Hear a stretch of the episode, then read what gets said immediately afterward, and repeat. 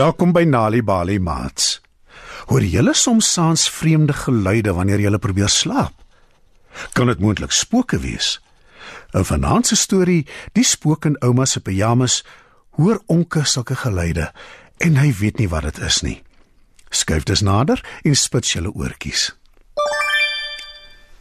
Een donker nag is onke vas aan die slaap in sy klein bed in sy klein kamer in die huis wat hy met mamma, pappa, ouma en sy klein hond Woef deel. Woef slaap by die voetenend van onkel se bed onder 'n rooi kombersie. Sy snork sag en droom hoe sy eekorings jag in die park. Skielik hoor onkel 'n harde geluid en skrik bang wakker. "Wat 'n geluid is dit?" sê hy en trek die kombers bewend oor sy kop. "Ek hoop dit is 'n monster nie of 'n nare spook. Ek hou niks van spooke nie." "Daar is dit weer," sê hy en probeer dapper klink. Ek moet uitvind wat maak die geluid. Onke tel dus die groen flits op wat langs hom op sy bedtafel lê. Skakel dit aan en skyn dit oor die hele kamer. "Dink jy dis 'n spook wat die geluid maak?" vra Onke verwoef, wat nog steeds vas aan die slaap is en droom van hoe sy eekorings vang. Onke vry voor haar kop. Maar dan hoor hy 'n ander, nuwe geluid. Dit kom van buite af. "Is dit 'n spook?" vra Onke. En hy skyn sy flits by die venster uit. 'n Groot, vet, bruin ding met vere en 'n geel bek sit op 'n tak buite sy venster. Onke lag en sê: "Dis nie 'n spook nie. Dis net 'n groot uil wat in die boom buite my venster sit. Maar ek wonder tog nog steeds wat het die snaakse geluid gemaak?" Die uil klap sy vlerke en vlieg weg oor die tuin. Eile jag snags muise en rotte. Dis hoekom mense hulle nooit sien nie. Ek was nogal gelukkig om die een te sien, sê Onke. Nie waar nie, Woef? Maar Woef slaap nog steeds. Onke vryf haar wollerige maagie. Sy gee harde snork en rol om op haar rooi kombersie. Miskien is ek net laf, dink Onke maar dan sien hy iets donker en skrikwekkend in die hoek van sy kamer. Dit lyk soos 'n monster met aasvol vlerke, leeu kloue en lang vlakvark tande. "Is dit 'n spook?" sê hy en skyn sy flits in die hoek van sy kamer. Onkel lag toe hy sien wat dit in werklikheid is. "Dis nie 'n spook nie. Dis net my vuil klere wat oor die stoel hang." Ek moes dit in die wasgoedmandjie gesit het soos wat mamma my gevra het. Nie waar nie, woef?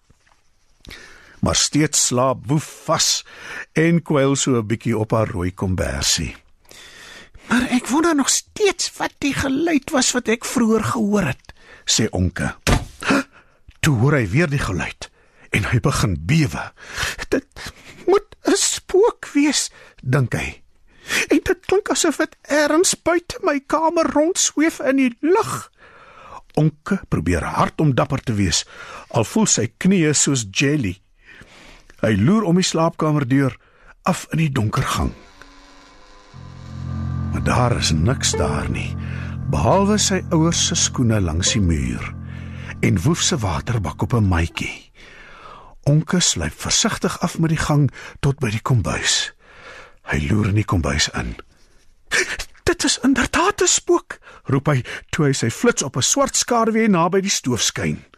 Die spook dra blou pyjamas met wit skaappatrone op.